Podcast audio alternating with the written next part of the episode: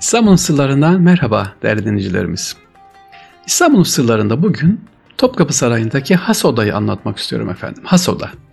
Neymiş Has Oda? Hikayesi nedir? Topkapı Sarayı'nda kutsal emanetlerin bulunduğu Hırkayı Saadet Odası'nda aslında 40 kişi olması gerekirken burada 39 kişi var. Evet bugün gezdiğiniz Hırkayı Saadet Odası var ya değerli dinleyicilerimiz. Burada 39 kişi kalıyor o odada. Hatta böyle girdiğiniz zaman böyle hafif yükselti vardır orada. Şimdi Hacer Esvet mahfazasının bulunduğu yerde ve Kabe kapılarının olduğu yerde Altınoluğu da görürsünüz. Orada düz bir zemin 39 kişi yatıyor. Neden? Bu 39 kişi sevgili dinleyiciler oranın temizliği, bakımı, korunmasıyla ilgili 39 kişi ve hepsi de hafız. Peki bu 39 kişinin başka bir özelliği var mı? Niye 39 ve özellikleri neler? Bunlar Enderun'dan mezun olacak olan yani devlette göreve gidecek olan kişiler. Kimi e, müdür olacak, kimi genel müdür olacak öyle düşünün. Mezun olacak artık ya da beylerbeyi olacak ya da bir yere atanacak, defterdar olacak diyelim ki üst düzey görevli olacak kişilerin artık son yıllarını geçirdiği yer burasıdır. Önce burada hizmet öğrenecek, burada edebi öğrenecek ve artık halka hizmete başlayacak. 39 kişi koskoca Osmanlı düşünün buradan çıkıyor efendim. Endor'undan çıkıyor mezun oluyor ve kaldıkları yer neresi? Geceyi geçirdikleri yer neresi? Hırkayı Saadet Dairesi ki en önemli şey nedir? Bitti. Eğitimini aldın. Gerekli bilgileri aldın fenli bilgileri, fiziki bilgileri, matematik aldın ama geriye en son ne kaldı? Öğrenilmesi gereken nedir? Edep, edep, güzel ahlak, güzel edep. İşte onun da verildiği, alındığı, pratik olarak alındığı yer burası Hasoda'da görevliler. Cennet Mekan Yavuz Sen Selimhan kutsal emanetleri Topkapı Sarayı'na getirince bizzat bu için özel görevliler tahsis etti değerli dinleyicilerimiz. Önce has odanın girişine bir havuz yaptırdı ki bu havuz tozların girmemesi, gelen giden ziyaretçilerin getirdiği tozlarında eşyalara ulaşmaması için özellikle yapılıyor. Oraya giren havuz elini yıkar, çıkarken de yine havuz elini yıkar. Çıkarken de o mübarek tozları götürmesin, içeriye girerken de yıkar ki dışarıdan toz gelmesin diye. Yine ikinci olarak bizzat kendi emriyle yaptırdığı mescittir. Has odaya girerken hemen karşımızda bir yükseltiyle karşılaşırız. Yerde ise kahverengi bir taş vardır. İşte o taş kıbleyi gösterir. Burada tam 39 kişi kalır. Peki bu kalan kişiler sıradan kişiler miydi demiştim. Hayır elbette bunlar Enderun'da son merhaya gelmiş olan artık mezun olacak olan en akıllı, en ahlaklı ve en takvalı hafız kişilerdi. Buradaki hizmetleri saraydaki en son görevleriydi.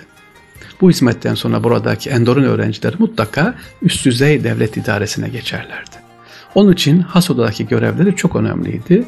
Zira bu 39 kişinin başında 40. bir kişi vardı ki devamlı onlarla birlikteydi. 40. kişi kim mi? Tabii ki padişah. Evet, padişah, dönemin padişahı bu 39 kişinin başında bulunuyordu efendim. 40 kişi. Yani padişah da bunlara bakıyor yanlarında, e, gözetim altında. O da diyor ki ben padişah da olsam bu hırkay saadetin, bu emanetlerin bekçisiyim ve yine burada eğitimimi, edep eğitimimi alıyorum demek. Demek ki 39 kişinin üstünde olan kişi kimmiş 40. kişi? Dönemin padişahı. Yavuz Sultan Selim Han böyle yapmış efendim. Ee, padişah Yavuz Sultan Selim Han'la birlikte başlayan Hasoda geleneğimiz sonraki padişahlar tarafından ve bugün de hala sevgili devam etmektedir. Nedir o? 24 saat Kur'an-ı Kerim okunması hafızlar tarafından.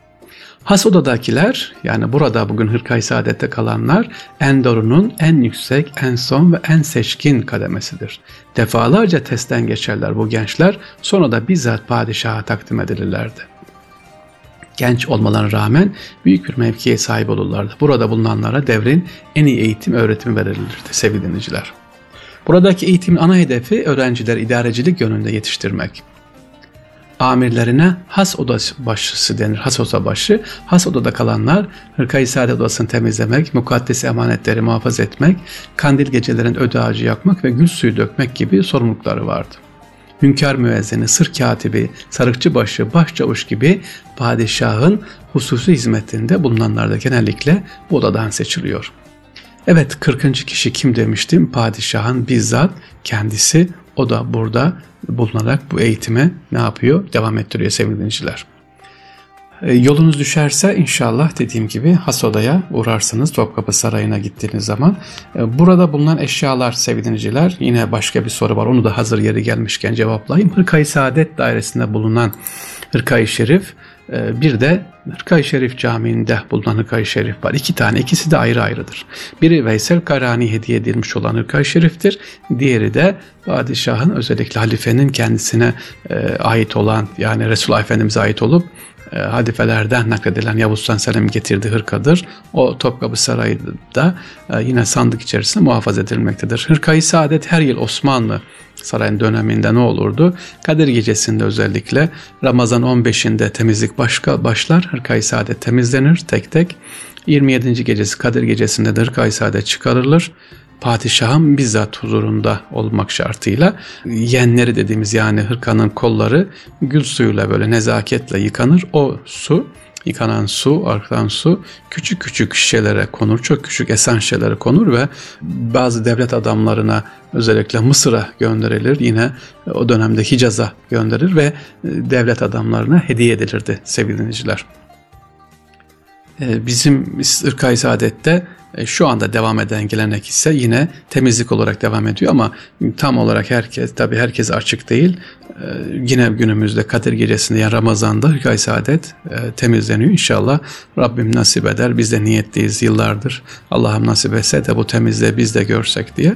İnşallah gideriz. Sizler de gidersin. Çok özel bir katılımcısı var oranın çok özel ve dikkat edilen bir ortamda yapılıyor. Hemen aklıma yine hatıra geldi. Mehmet Reşat, Mehmet Reşat e, son Osmanlı padişahından önceki Vahdet'in önceki padişah 70 küsür yaşında efendim hasta ama hasta haliyle e, yine buraya geliyor 27. gece Kadir Gecesi'ne geliyor. Ayakta efendim bu siz bu teşrif buyur oturunuz diyor.